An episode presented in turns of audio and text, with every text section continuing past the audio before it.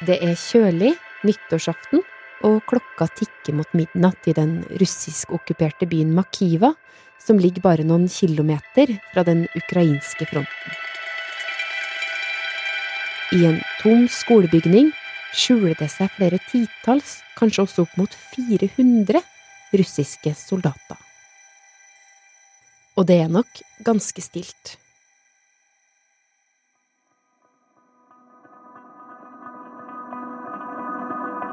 Hadde soldatene kunnet sett opp mot den svarte himmelen, hadde de kanskje sett et lysglimt kom nærmere og nærmere.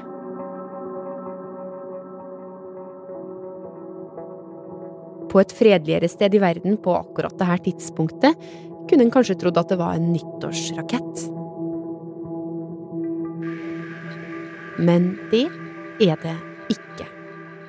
The Ukrainians said 400 Russians died and 300 injured. This the deadliest attack uh, for Russia since the start of this war. Ukraine's defense ministry posted this video on Twitter with a single word surprise. På et blunk er hele skolebygget jevna med jorda, og russerne går på sitt hittil største tap i ett angrep. Og det her har sparka i gang en stor og sjelden debatt i landet. For hvordan kunne det her skje? Svarene kan si mye om hva som skjer både på russisk og ukrainsk side ved fronten akkurat nå. Det er mandag 9. januar. Jeg er Marit Eriksdatter Gjelland, og du hører på Forklart fra Aftenposten. Den russiske krigen mot Ukraina foregår i all hovedsak nå på to måter.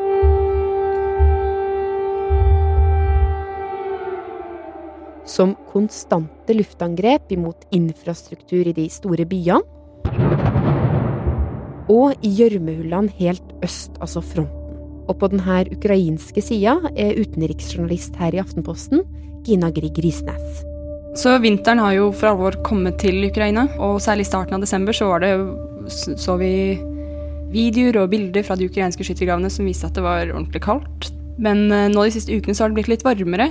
Gjørmen er tilbake, så nå kaver de rundt der og, prøver å holde stillingene. Men det er nettopp denne gjørmen som skaper en stor utfordring for dem. For det er uh, vanskelig å drive krig når du synker ned i gjørmen når du går, uh, særlig med alt dette tunge utstyret de har på seg. Så det mange håper på nå, er at vinteren vil komme for alvor, og at frosten vil legge seg, så bakken blir kaldere, så de kan rykke fremover. Så denne måte typiske fronten den er hele 2500 km lang. Den strekker seg rett og slett langs hele Ukrainas grense. Men så går fronten også langs elver og gjennom byer, som f.eks. Kherson i Sør-Ukraina. Der besøkte vi et barnesykehus, og vi møtte overlegen Inna. Mens vi satt og, satt og snakket med Inna, så hørte vi lyden av, av bombing komme nærmere og nærmere. Og helt til slutt så ristet de veggene og vinduene, og vi måtte løpe ut på gangen for å søke dekning. Ольга Борисівна, візьми, будь ласка. О, Проведи до діагностики. Я вам щиро дякую. Дякую. Дякую. Добре, дякую. Дякую. Дякую. Men det er ikke hver eh, eksplosjon som varsler dårlig nytt, for man hører også lyden av utgående. Altså utgående artilleri, som viser at eh, noen kilometer unna så står ukrainske soldater og kjemper imot.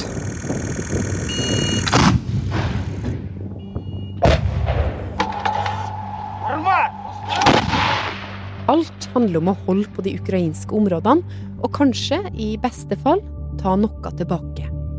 De siste ukene har fronten holdt stand, og endringene er små.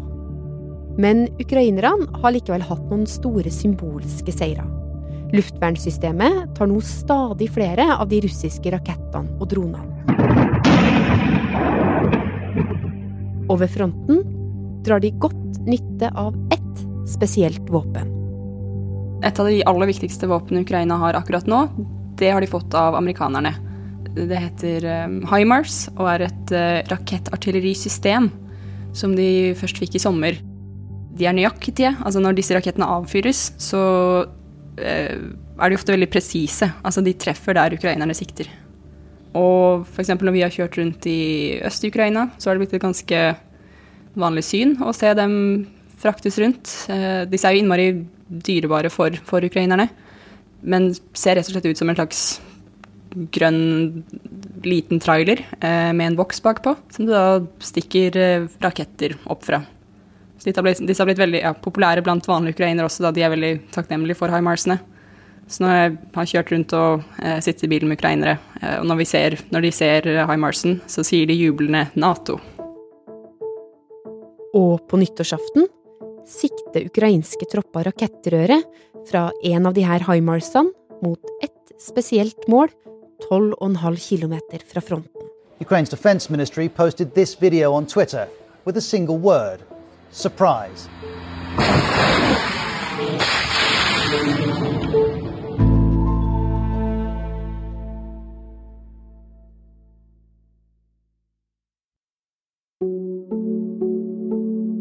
I den russisk-okkuperte byen Makivka nærmer jo klokka seg midnatt på nyttårsaften. Helene Skjeggestad, journalist her i Aftenposten og tidligere Russland-korrespondent. I en skolebygning på tre etasjer har russiske soldater ja, de har søkt ly under det som jo er den aller viktigste høytiden i, i både Ukraina og Russland. Og mange av disse soldatene er helt ferske, eh, vi pleier å kalle de nymobiliserte, eh, og mange av de kommer fra den russiske byen Samara. Eh, man kan jo se for seg at de fleste av disse for et år siden aldri kunne forestilt seg at de skulle tilbringe eller feire nyttårsaften drøye ti kilometer fra ei frontlinje i en krig. Men ja, det er kanskje i underkant av 100 russiske soldater, kanskje så mange som 400, vi vet ikke. Eh, og de vet heller trolig ingenting om det som nå er på vei mot de, og snart er de aller fleste av de døde.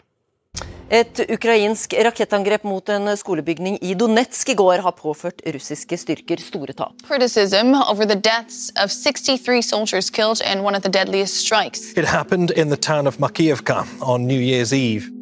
At dette var et ødeleggende angrep, det er det ingen tvil om. Eh, på satellittbilder tatt før angrepet ser man en liten hvit firkant, som da er skolebygget. På det samme bildet etterpå er firkanten bare helt vekke.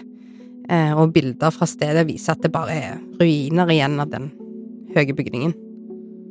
Russiske medier har òg snakka med folk i nærheten, og soldater da, som kom seg ut eh, rett før angrepet. Og en forteller blant annet at de måtte tørke hjernemasse av skoene.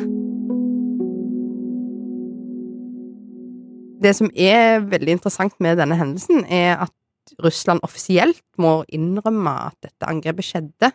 Eh, og på ja, meldingstjenesten Telegram så forteller bloggere til ja, millioner av følgere hva som har skjedd, og de er kjempesinte på den russiske ledelsen.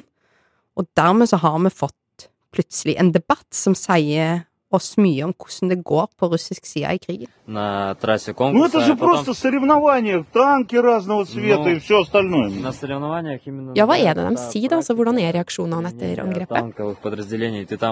Ja, det er mye kritikk, og det er det særlig to grunner til. For det første mener mange av de som, som nå er sinte, at det er sånn temmelig elementære feil som er gjort. Um, og for det andre så skjedde dette på en kveld som jo skulle være prega av fest og moro. Uh, på den statlige TV-kanalens hovedsending uh, på nyttårsaften så kunne man se generaler og soldater som skålte og klappa og festa. Akkurat da ukrainerne avførte sitt dødelige våpen. Så uh, situasjonen ble rett og slett uholdbar for russiske myndigheter. Kritikken ble så voldsomt. Og til slutt så måtte de gå ut og forklare seg. 1. januar в 0 часов 1 минуту по московскому времени Russiske myndigheter forklarer hele angrepet med de nå døde soldatenes mobilbruk. At de på nyttårsaften sendte ut meldinger og ringte hjem, og dermed så ble disse signalene plukka opp av ukrainerne, sånn at de kunne eh, plotte inn i himarsene sine hvor det var soldater, og avfyre dette dødelige våpenet. Eh, og, og, dette er ikke ukjent på russisk side. Eh, de har ikke alltid kontroll over hvordan soldatene bruker mobilene sine. Men det er noe som skurrer veldig med den forklaringen. For det er en del ting med situasjonen på russisk side av fronten som gjør at militærbloggere og politikere i landet ikke helt kjøper forklaringa med mobilbruk. Siden i sommer så har det ikke gått russernes vei i krigen. Eh, det handler jo selvfølgelig om at ukrainerne de kjemper tappert, og de får gode våpen. Eh, men det handler òg om Russlands egne valg. Og disse valgene da har blitt kraftig kritisert av russerne sjøl, og da særlig de vi kaller for militærbloggere. Det er journalister, soldater eller bare folk som er ekstremt opptatt av krigen, og som ofte har god oversikt over hva som skjer på bakken. Og det de særlig kritiserer, er ja, i hovedsak tre ting. Eh, det første er at soldatene var plassert sammen i en stor gruppe i et høyt hus eh, nært fronten. Og ofte så ønsker man jo å spre liksom, soldatene og styrken litt utover i sikra bygninger, sånn at uh, man ikke stiller seg helt åpen for angrep. Uh, og den mest uh, leste bloggeren han sier til og med at det var et ammunisjonslager rett ved siden av dette huset, eventuelt i kjelleren, som kan jo forklare hvorfor det ble sånn voldsom eksplosjon. Um, så det virker egentlig som det er gjort en del elementære militærtekniske feil, og det er ikke første gang. Eh, den russiske krigsmaskinen har gått på flere store nederlag i løpet av denne krigen, og da har egentlig uavhengige eksperter pekt på at eh, russerne de, de angrep ikke som et lag, det er flere grupperinger som egentlig snakker ganske dårlig sammen, og det fører til at etterretningen fungerer dårlig, og at de går på tap, og at de russiske styrkene da får ganske lav kampmoral. Og i dette angrepet her så trekkes det nok en gang fram denne dårlige organiseringen. En politiker som heter Sergej Mironov, han sier at det er åpenbart at verken etterretning eller Luftforsvaret fungerte sånn som det burde. Hm, ja, Så det er egentlig hele måten da det russiske forsvaret nå er organisert på som gjør at de da risikerer sånne store tap som de nå opplevde på fronten?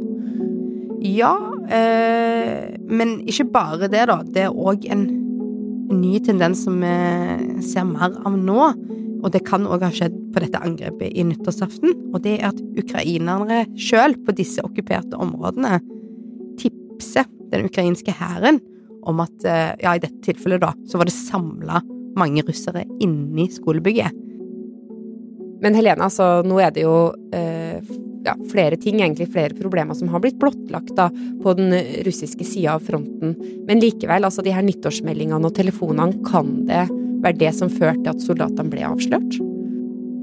Det er jo åpenbart at det er en dårlig idé hvis du er rett ved fronten og driver og sender masse meldinger ut og fram og inn og telefoner og i det hele tatt, så absolutt, det er nok en del av bildet, men det belyser kanskje enda tydeligere at russiske militære ledere har ikke helt kontroll på egne soldater. Og får de ikke kontroll på egne rekker, så er det jo mer sannsynlig at ukrainerne kommer til å fortsette sin framgang i krigen på russernes bekostning.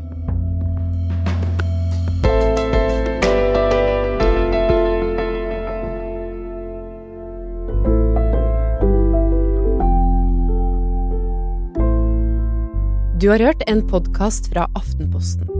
Helene Skjeggestad og Gina Grieg Risnes fortalte om det gigantiske nyttårsangrepet som ryster Russland.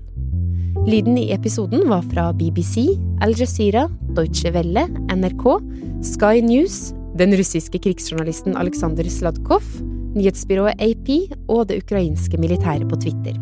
Episoden er laga av produsent Jenny Føland og meg, Marit Eriksdatter Gjelland. Resten av Forklart er Philip A. Johannesborg, Syne Søhol, David Vekoni, Anne Lindholm og Anders Sveberg. Og et lite tips til slutt. Sjekk ut flere av Aftenposten-podkastene i appen Podme. Eksempel Aftenpodden, som analyserer ukas viktigste nyheter, med annet Trine Eilertsen og Kjetil Alstheim. Tusen takk for at du hører på Forklart. Ny episode kommer som vanlig i morgen. Sanne. Ja, Therese? Min kollega i Aftenposten. Ja. Endelig skal vi få lage lyd. Ja, nå skal vi gjøre noe gøy. Men hva skal vi snakke om? Jeg tror du vet hva vi skal snakke om. vi, vi skal snakke om reality-stjerner, TikTok-mat, Hollywood-rettssaker, influenserdrama, moteskandaler, TV-seriene folk bare sier at du må se, men må du egentlig det? Vi skal rett og slett snakke om de viktigste sakene fra populærkulturens verden. Og internett og internett. Og vi skal ikke gjøre det aleine. Vi har fire faste gjester, én gjest hver uke. Og vi skal ha med oss hvem da? Tidligere kunnskapsminister og rappekspert eh, Torbjørn Røe Isaksen.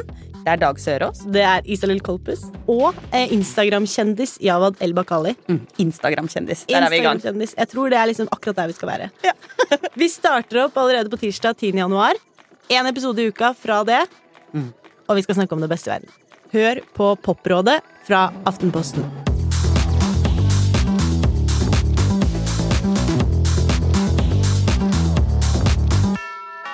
Det var en start på noe. Kjempebra.